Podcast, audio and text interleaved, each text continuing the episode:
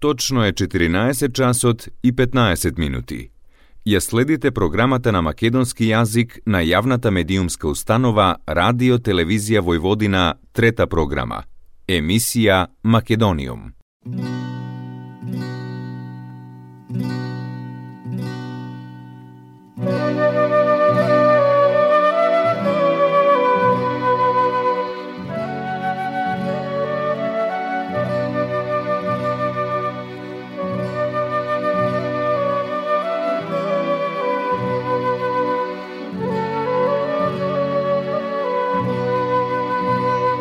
Добар ден и добредојдовте во најновото издание на емисијата Македониум. Со вас, почитувани слушатели, е вашиот уредник и водител Јулијана Милутиновиќ. Денеска во емисијата Македониум ќе зборуваме за Есма Реджепова.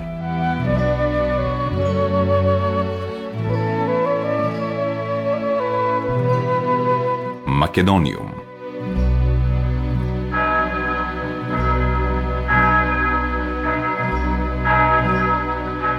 Есма Реджепова е нашата позната пејачка и хуманитарка. Нарекувана е кралица на ромската музика во светски рамки. Во 2013 година ја доби престижната титула Национален уметник на Република Македонија. Есма Реджепова е петто од шесте деца на Чанија и Ибраим Реджепови, родена во мала куќичка во центарот на Скопје. Таткото Ибраим во бомбардирањето на Скопје во април 41 година ја изгубил едната нога, се обидел да ги прехрани четирите керки и двата сина како чистач на чевли, но бидејќи останал инвалид, некој постојано морал да му ја носи кутијата со бои и четки. Покрај другите браќи и сестри и малечката Есма станала помошник на татка си. Но наскоро го проширила бизнисот, па им порачала и на другите чистачи на чевли во Скопје. Таа била главниот снабдувач со репроматеријали. Трчала во дотогаш единствената работилница за производство на боја за чевли и малин и набавувала за сите.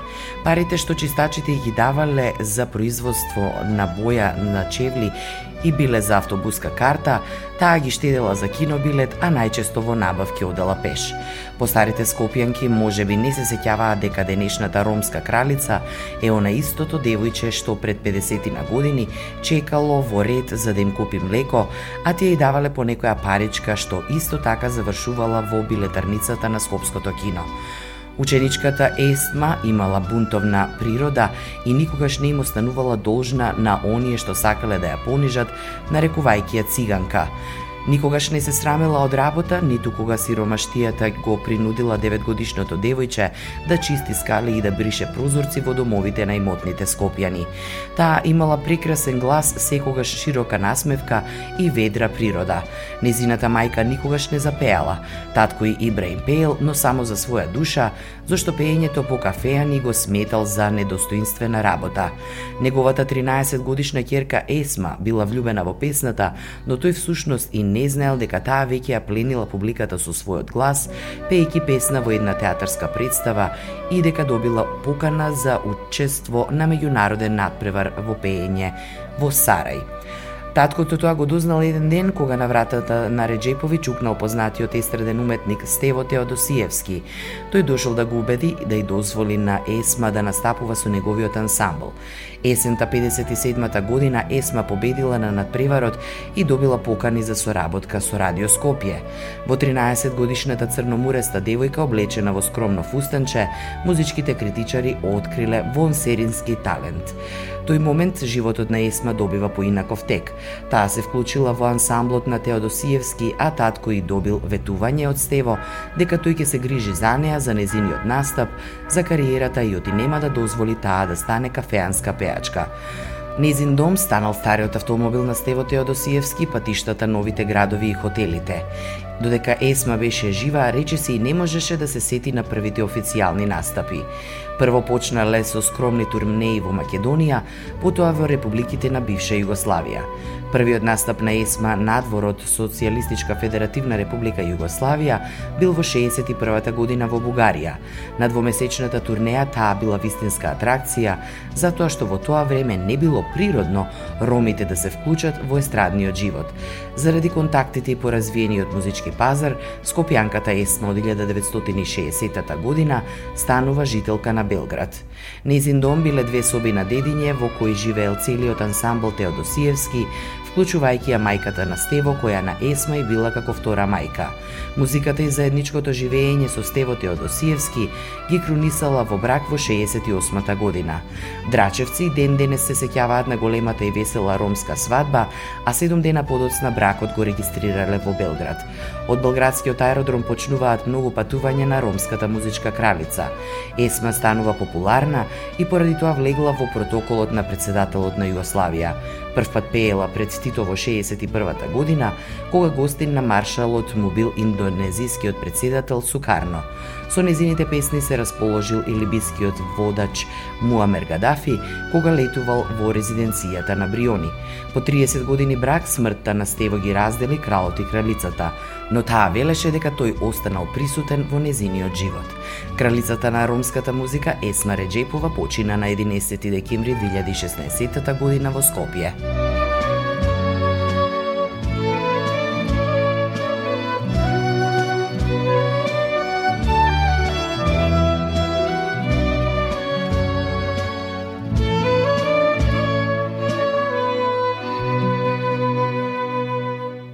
Македониум.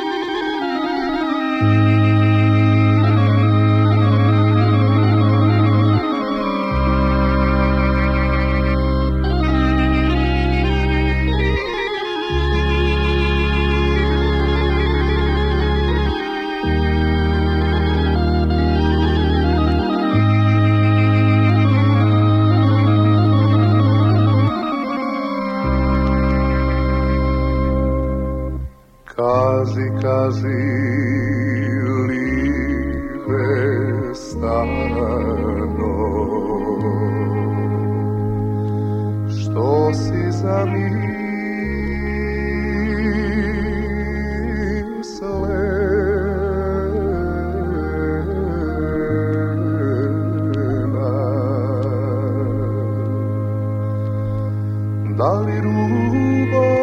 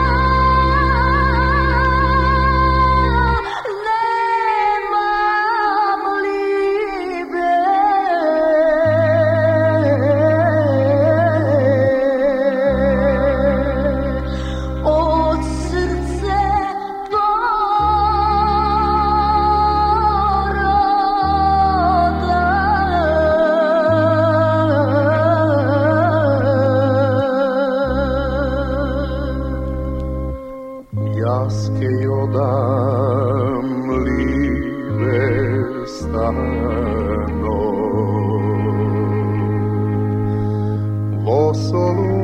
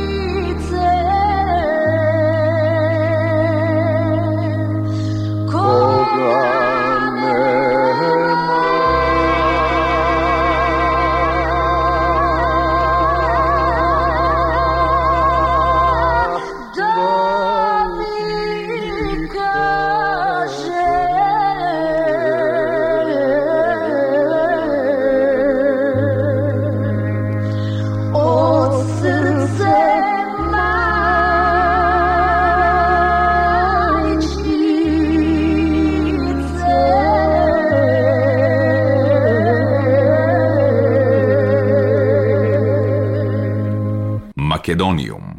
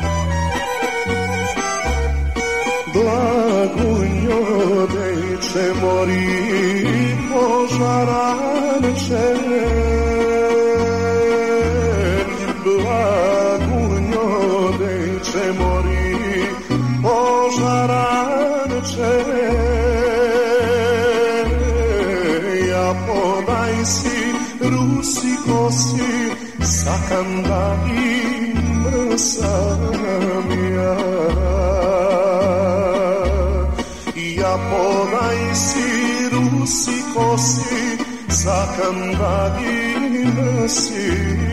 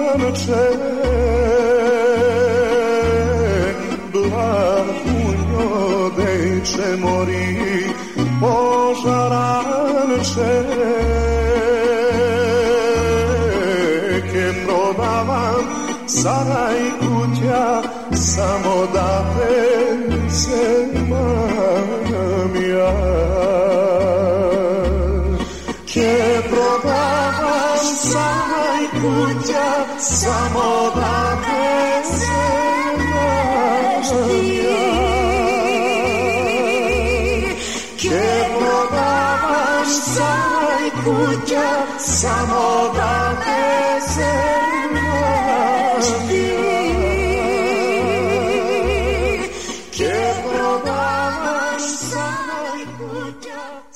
Makedonium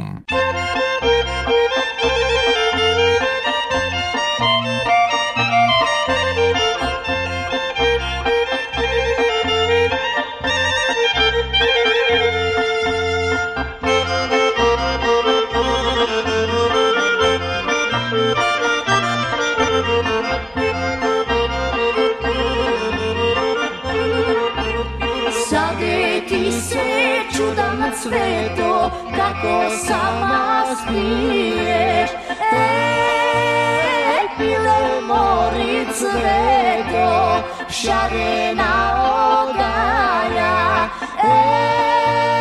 Egadne moric reto siaryna odala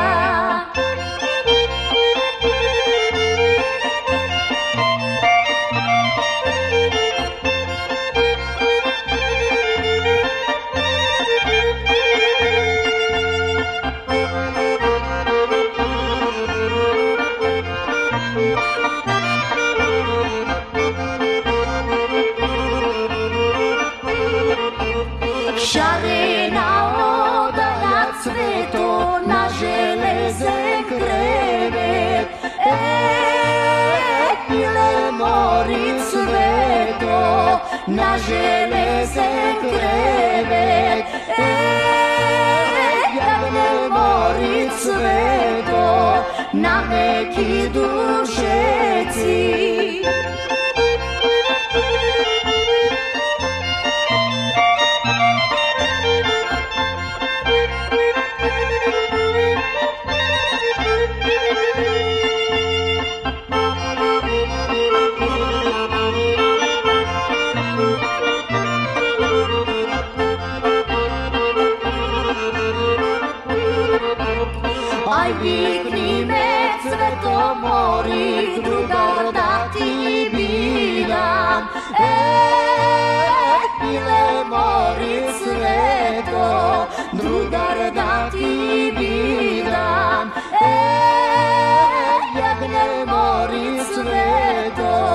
co tebe.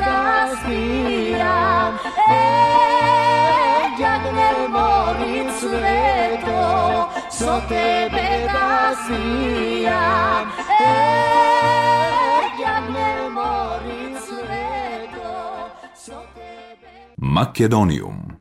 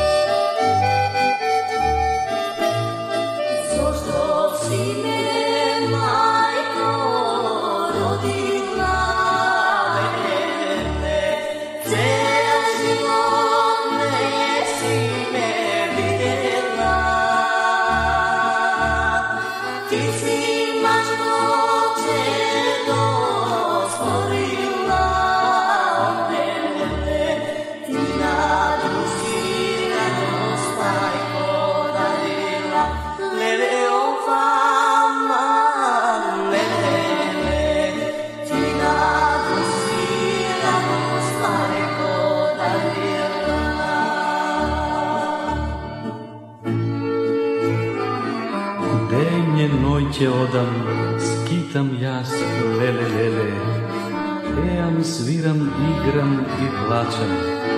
Твојот лико гледам секој пат, о, леле, леле, на тебе долгови ти враќам јас, о, аман, аман, на тебе долгови, долгови ти враќам јас.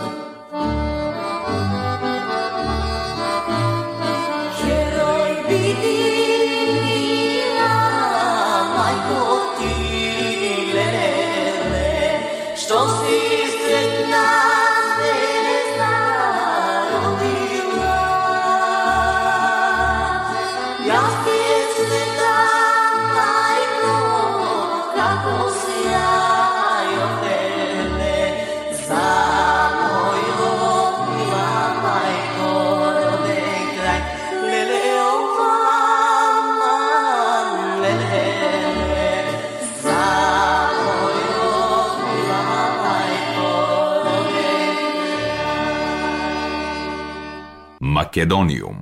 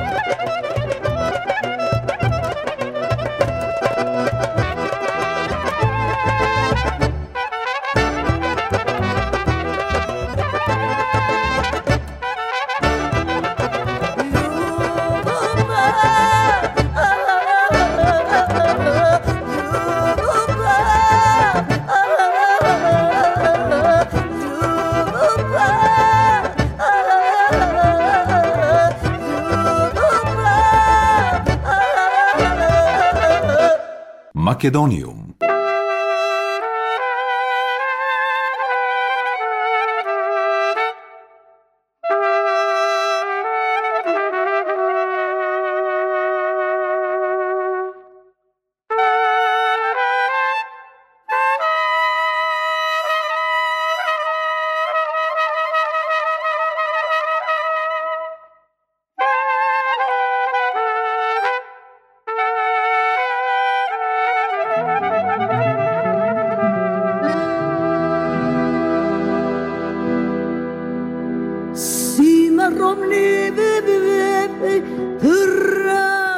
adı çora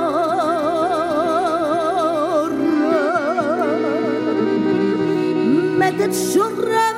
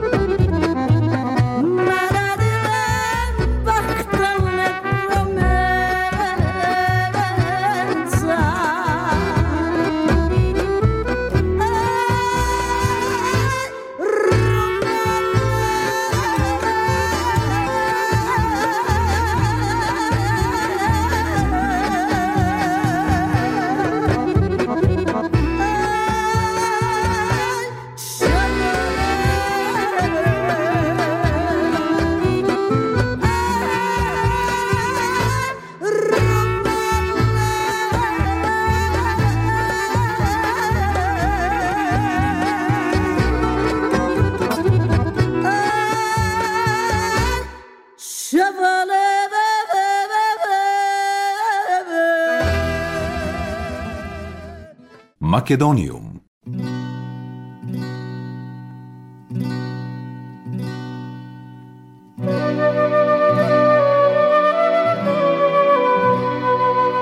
Тоа беше се во денешното издание на емисијата Македониум. До следната среда во исто време срдечен и голем поздрав од вашиот уредник и водител Јулијана Милутиновиќ. Ја следевте програмата на македонски јазик, емисија Македониум. Главен и одговорен уредник Воин Поповиќ.